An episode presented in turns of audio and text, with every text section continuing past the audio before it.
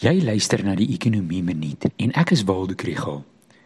Dit is nie 'n groot verrassing nie, maar die staatsfinansies lyk klaar slegter as wat die minister van Finansies in die begrotingsrede voorgehou het.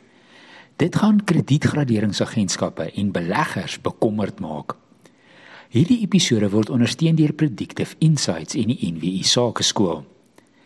Mens moet onthou dat die 2022-23 begroting is in Februarie verlede jaar gelewer.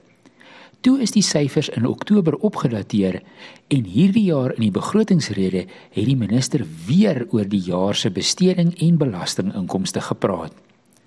Die finansiële jaar het toe op 31 Maart geëindig en nou weet ons hoe sake staan. Alles saam was die uitkoms beter as wat in die oorspronklike rede aangekondig is beter as verwagte belastinginvordering het later gemaak dat inkomste vooruitskattinge opwaarts aangepas is.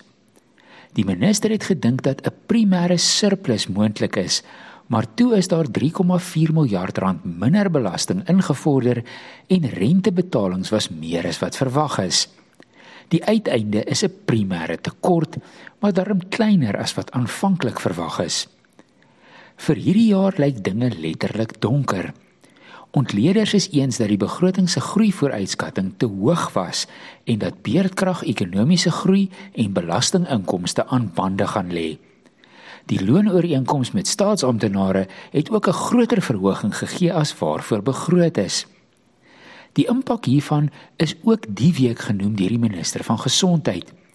Omdat meer geld aan salarisse betaal word, is daar nie genoeg om poste te vul en dit is ten koste van dienslewering. Michael Sachs beskuldig die tesourier daarvan dat hulle met opset te min begroot het vir salarisverhogings. Departemente kompenseer daarvoor deur nie vakante poste te vul nie, nie hulle verskaffers betyds te betaal nie of enige instandhouding te doen nie. As jy moet kies tussen 'n skuldkrisis en 'n diensleweringskrisis, is dit moontlik om albei te kry.